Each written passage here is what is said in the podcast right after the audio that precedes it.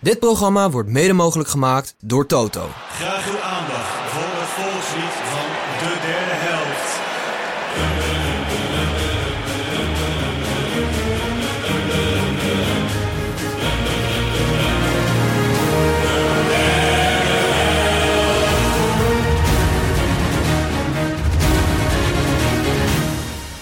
Marhaban en welkom bij Dubbele Nationaliteit. De podcastserie waarin wij alle 32 WK-deelnemers langslopen... om jou zo aan een ander land te helpen mocht Nederland onverhoopt geen wereldkampioen worden.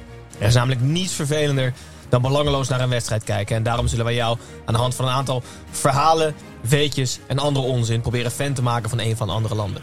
Dit allemaal om het WK nog leuker te maken, maar vooral om de kans op persoonlijk succes ietsjes te vergroten. Ik ben Gijs en tijdens deze serie zitten wij van de derde helft altijd in de vaste basisopstelling. Waarin wij normaal gesproken de eredivisie nabeschouwen op de zondag. Ehm, de vaste opstelling is met Pepijn, Snijboon en Tim. We zitten met z'n vieren en vandaag is de beurt aan Snijboon. De lastige taak heeft hij om ons te overtuigen fan te worden. Schier onmogelijke taak zou ik bijna willen zeggen. Fan te worden van Qatar. Snijboon, we beginnen zoals altijd met het volkslied.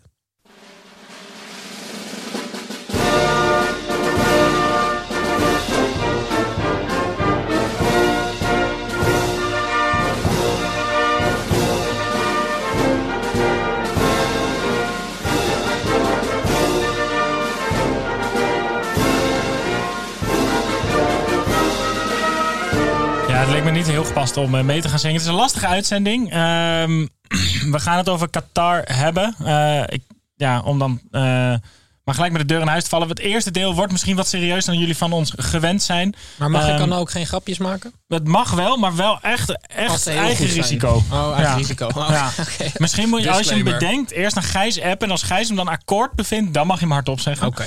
Ehm, zoals altijd hebben wij natuurlijk de Road to Qatar. Een legende.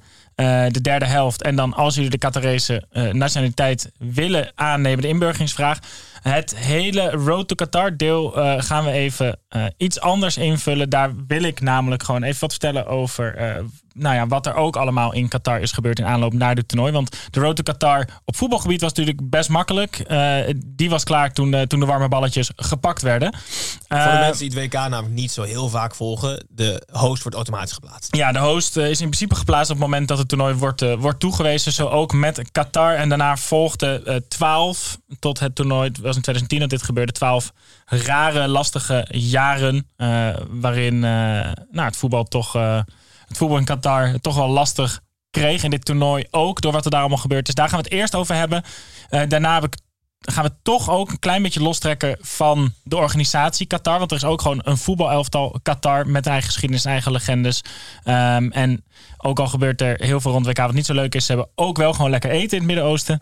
Eh, dus daar gaan we het ook over hebben. Maar eerst de road to Qatar. Zoals ik al zei, in 2010 kregen ze het WK toegewezen. Eh, grote, grote eh, geruchten al van omkoping en corruptie rond de toewijzing. Waarbij onder andere de Braziliaanse bondsvoorzitter is omgekocht. Eh, zo niet meer. Ehm overigens ook sprake van bij het vorige toernooi in, eh, in Rusland. Was dit ook al. En dan, in Qatar wonen momenteel 2,8 miljoen mensen. Ruim 2 miljoen daarvan zijn arbeidsmigranten die voor het WK aan het werk zijn.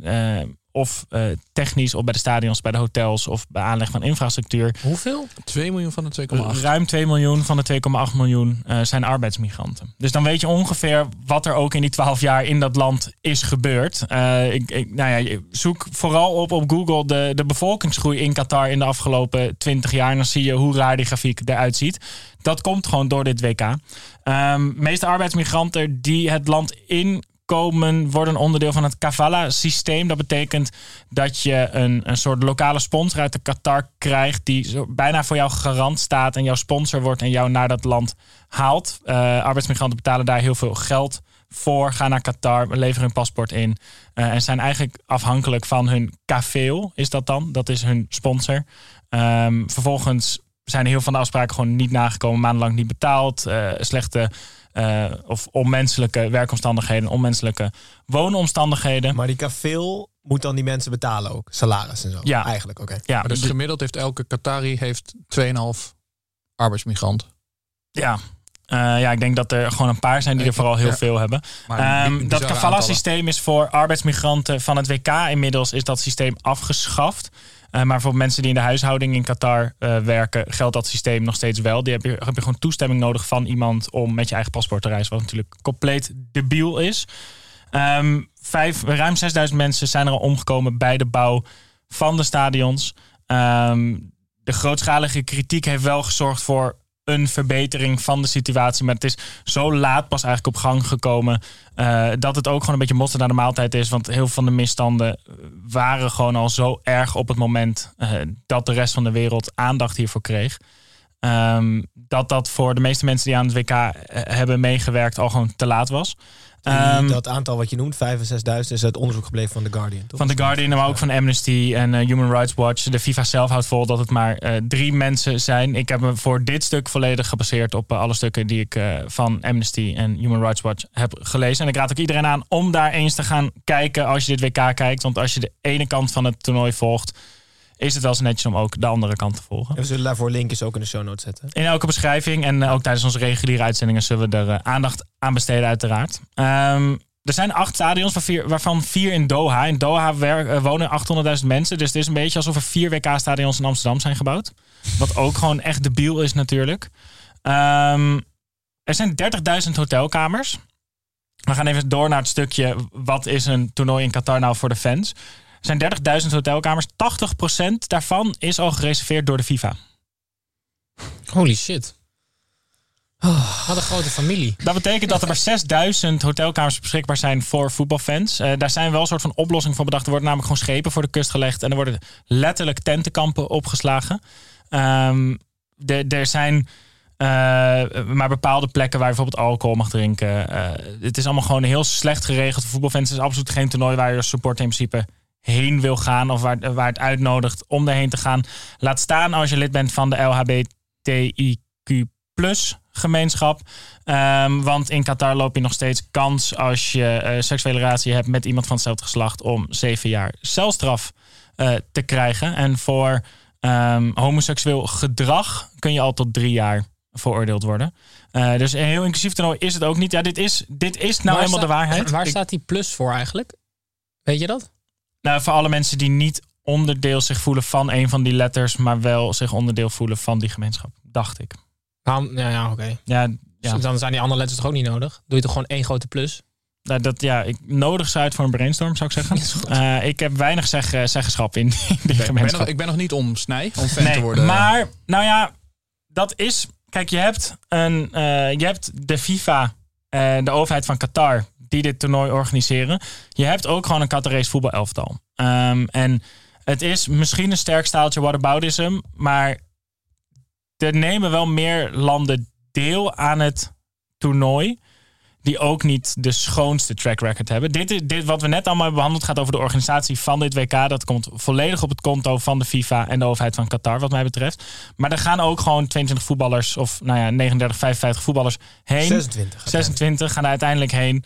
Ehm, en die gaan wel gewoon voetballen en een WK spelen. En daar net zo trots heen als dat ook Nederlandse internationals dat eh, doen. Dus zo probeer ik dat zelf maar te bekijken. Dat die voetballers, als ze ervoor hadden, hadden mo- mogen kiezen, ook niet hiervoor hadden gekozen. Het is wel een raar elftal. Zijn er, mag ik even een vraag stellen? Ja. Zijn er spelers eh, van Qatar die niet eh, uitkomen op het WK door de situatie daar? Of weet je dat niet? Niet dat ik weet. Ik denk dat je dan nu al niet meer bij het Qatarese elftal zit. Het zijn ook niet allemaal spelers die in Qatar geboren zijn. Dat is wel interessant. Er is natuurlijk altijd angst dat in het Midden-Oosten landen heel veel Brazilianen gaan naturaliseren. Dat is niet gebeurd. Eén Braziliaan, Roro. Maar ook twee spelers uit Zuid-Soedan. Eentje uit Ghana en een Irakees, onder andere. Dus het is wel een beetje een vreemdelingen zijn vanuit legioen. FIFA ook geen regels voor volgens mij. Als je als land de nationaliteit aan iemand... Nee, sportnationaliteit is eigenlijk gewoon een compleet andere... Dus eigenlijk moet je gewoon hele goede scouts hebben dan. Toch? Ja, maar, dat is, nee, maar wat, wat eh, Snij zegt, dat ze op een gegeven moment dat we bang waren dat, Ja, ja. dat die landen dan Brazilianen gingen nat- eh, dat naturaliseren. Ja, ja. Maar dat daar, dat daar vanuit de FIFA dat daar geen regels voor zijn. Waarschijnlijk heeft Qatar dat ook geregeld. Dat daar geen regels voor zijn. Maar je Nee, volgens mij kan je dat overal. Nou ja, jij hebt ook, je had ook een Ecuadoriaan die van vier landen is uitgekomen. Dus er zijn wel. ja, ja. Mond over Ecuador, hè? ja, precies. Ehm, Oké, dit was het politieke deel. Ehm, ik ben ook even in de geschiedenis van het Qatarese voetbalelftal gedoken. We trekken hem echt even los van de organisatie. En ben daar een een Nederlandse bondscoach, oud bondscoach tegengekomen die een track record heeft van over de hele wereld. Ik, had, ik heb hem wel eens voorbij zien komen, maar ik wist niet wat voor ongelooflijk verhaal dit is. Dit is eigenlijk Jo Bonfrère. Oh nee, die ken ik niet. Eh Jo Bonfrère. dan Verbeek of zo. Ja. Oh ja. Jo Bonfrère speelde zelf van 1963 tot 1985 voor één club, Roda JC.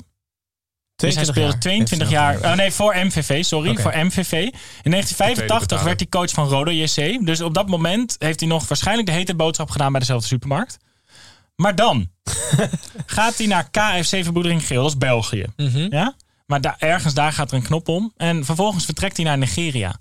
Wordt hij bondscoach van het Olympisch elftal. Wint hij eerst brons en vervolgens goud op de Olympische Spelen. Eh, Wanneer? In 96. Holy. Vervolgens wordt hij dus bondscoach van Qatar. Gaat weer terug naar Nigeria. Wordt bondscoach van de Verenigde Arabische Emiraten. Wordt clubcoach van Al Wahda. Wordt clubcoach van Al Ali in Egypte. Wordt bondscoach van Zuid-Korea. Wordt clubcoach van Dalian Shide in China. Wordt, bondscoach, eh, wordt eh, clubcoach van Henan Construction in China. Dat is van een bouwbedrijf. Gaat in de jeugd van MVV werken.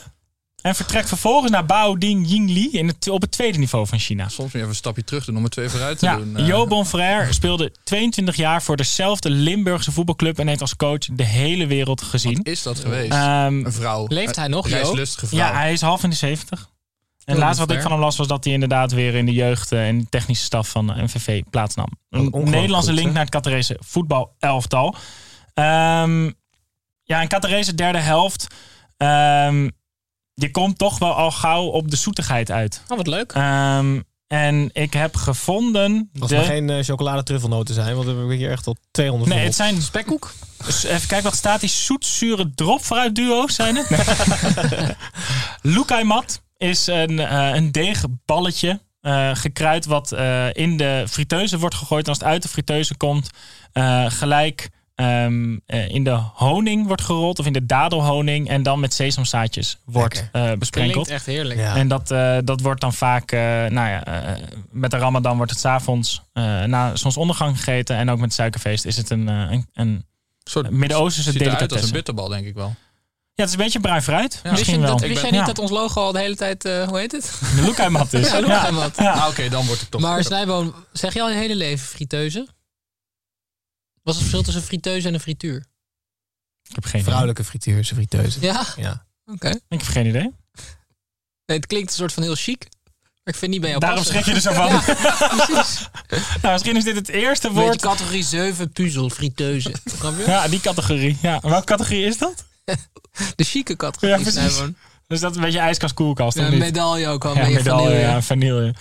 Ehm, ja, het is een beetje een dubbele uitzending, eh, denk ik. Eh, maar het Qatarese voetbalelftal heeft nog nooit een wedstrijd op het WK gespeeld. Eh, dus die kunnen de support wel gebruiken.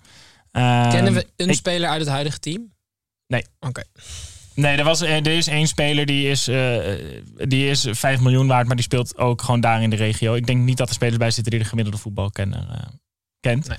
Ehm, Maar proberen dat team dus waarschijnlijk ook tijdens het toernooi wel echt los te koppelen van wat jij zei, de organisatie en Ja. ehm de Qatarese overheid, toch? Dus we gaan wel gewoon puur over dat de, team. de meeste eh, Qatarese spelers kunnen hier net zoveel aan doen als Virgil van Dijk en eh, Memphis Depay eraan kunnen doen. Ja. Misschien als je het hebt over hoe vrij ze zich kunnen uitspreken, Nog wel minder. nog wel minder. Ja.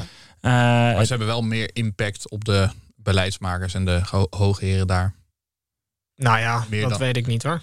Ik denk, ja, dat, nou ja, dat is, dat is een hele andere eh, discussie. Ik, ik, eh, ik, Ik, weet- ook niet wat Ja. ik zelf zou doen in die situatie. Dus dat is altijd een moeilijke, nee, dat, moeilijk nee het, is, het is gewoon heel dubbel. Eh, en en eh, mijn eerste instinct zegt altijd: het ligt bij de beleidsmakers eh, om hier iets aan te doen. En niet bij mensen die hier heel hard voor trainen. Maar aan de andere kant is moreel protest soms wel het meest treffende protest.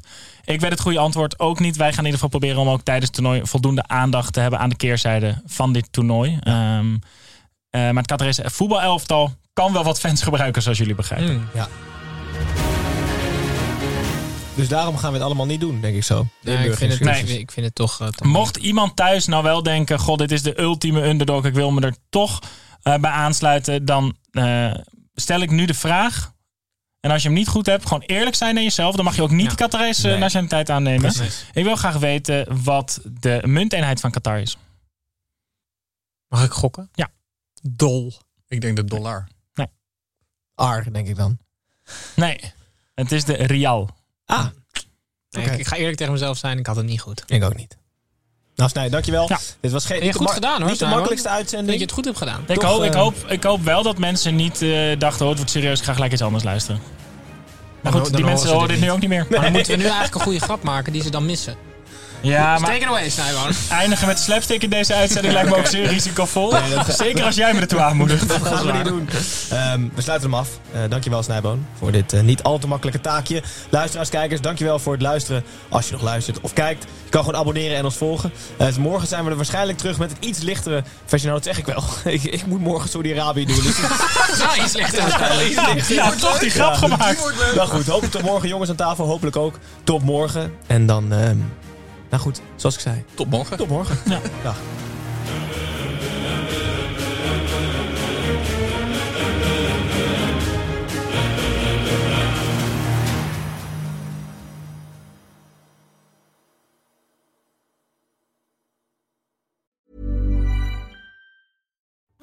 Hallo lieve podcastgasten, ik ben Julius Jaspers. In mijn podcast neem ik jullie mee naar mijn favoriete plek in huis, de voorraadkast. Iedere week haal ik er één product uit en zal jullie daar in een paar minuten tijd alles over vertellen. Zoek in je favoriete podcast-app naar Julius Voorraadkast. Kast met een K, want uit een kast met een C kun je niet eten.